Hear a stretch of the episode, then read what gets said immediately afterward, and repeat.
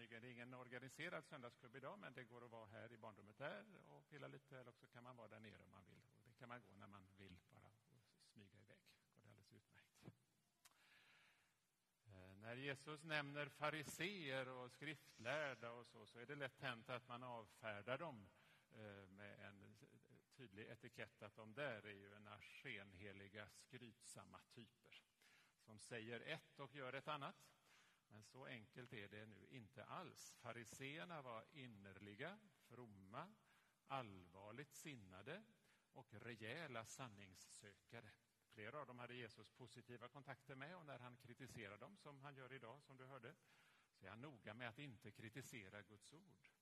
Läran, Guds ord, håller. Det, är de, det, är det som de lär ut skall ni hålla. Men det handlar om vardagen. Hur det ni hört och lärt er ska praktiseras. Det handlar alltså om tro och liv. Ni ska inte leva som de gör, sa Jesus. Så Jesu ord om skenhelighet gäller verkligen inte bara dem där borta eller dem på andra sidan eh, gatan eller dem i ett annat land. Det gäller oss alla. Att säga ett och göra ett annat är tyvärr en helt normal mänsklig livsstil och tro att om man bara anstränger sig så klarar man sig ganska bra, till och med utan Gud. Varje gång du kommer hit, eh, varje gång du knäpper händerna i aftonbön så möter du faktiskt någonting helt annat. Tillsammans med Jesus handlar det idag om att upptäcka ett nytt sätt att leva, att kliva in i en ny världsordning där citat, den som är störst bland er ska vara den andres tjänare. Där framtiden stavas ödmjukhet och inte kaxighet. Där Guds ord håller och går att omsätta i vardaglig, ja till och med daglig praktik.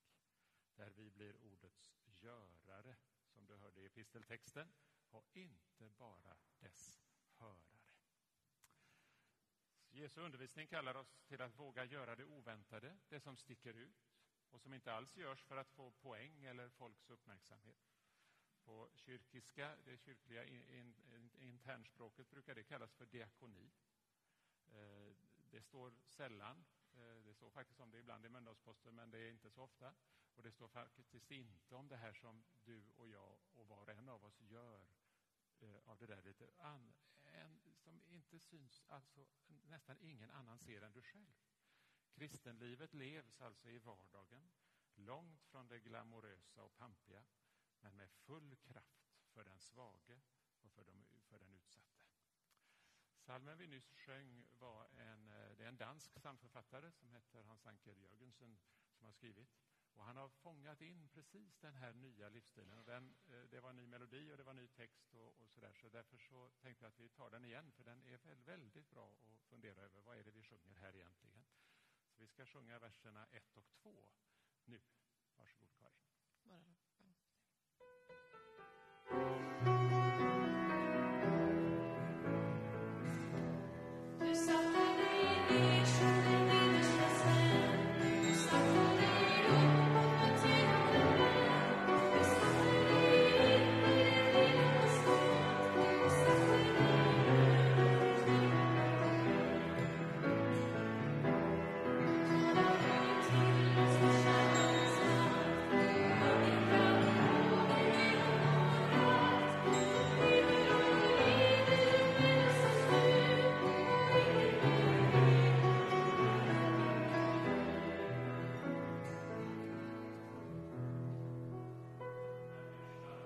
Människan är skapad för att göra saker.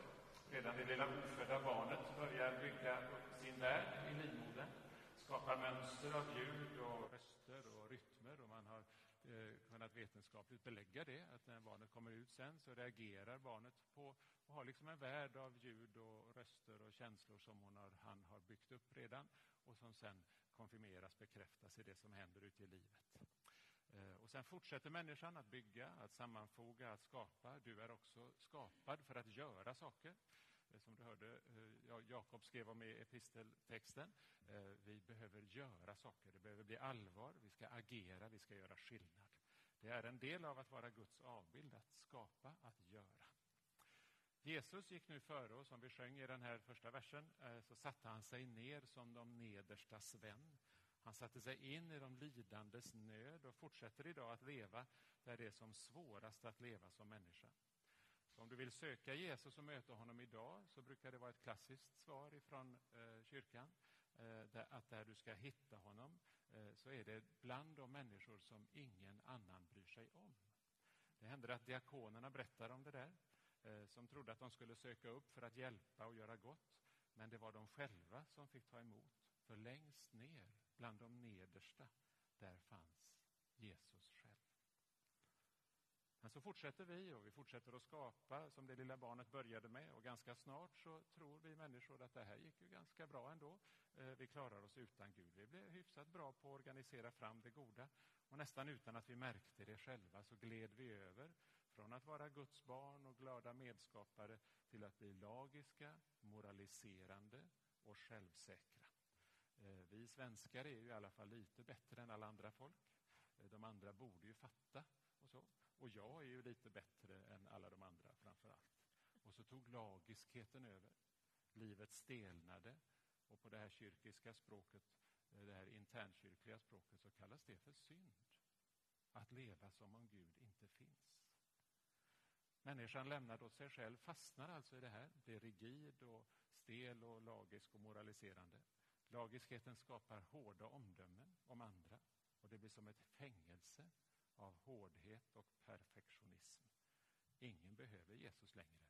Vi klarar oss ju så bra utan honom, trodde vi. Vers 3 och 4 på samma psalm.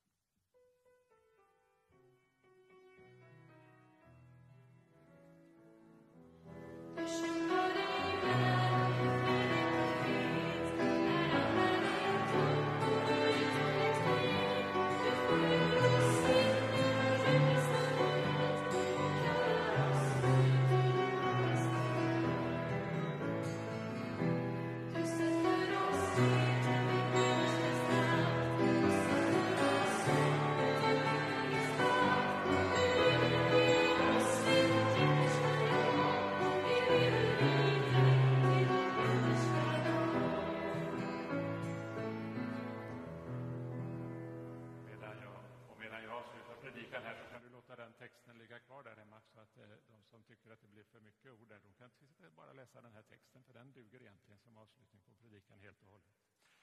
Genom de här gallren av lagiskhet och hårda moraliserande regler kommer nu Jesus som vi sjöng om och bryter igenom allt. När andra gett upp går han uthålligt med. Även om livet mörknar och allt känns botten och är på botten så är han där före dig. Ut ur den mörkaste död kallar han dig och mig till ett liv i ödmjukhet, en helt ny livsstil som ingen kunde ta sig på egen hand. Han kallar oss ut ur kyrkan, ut i vardagen till daglig praktik där vi prioriterar annorlunda, tvärt emot det förväntade. Så välkommen med i den här lärjungavandringen med Jesus. Trotsigt fortsätter kyrkan att berätta om den här nya världsordningen som stavas ödmjukhet och inte kaxighet. Där Guds ord håller och går att omsätta i vardaglig, ja till och med daglig praktik.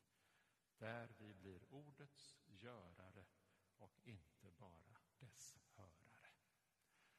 Vi blir stilla en kort stund i begrundan.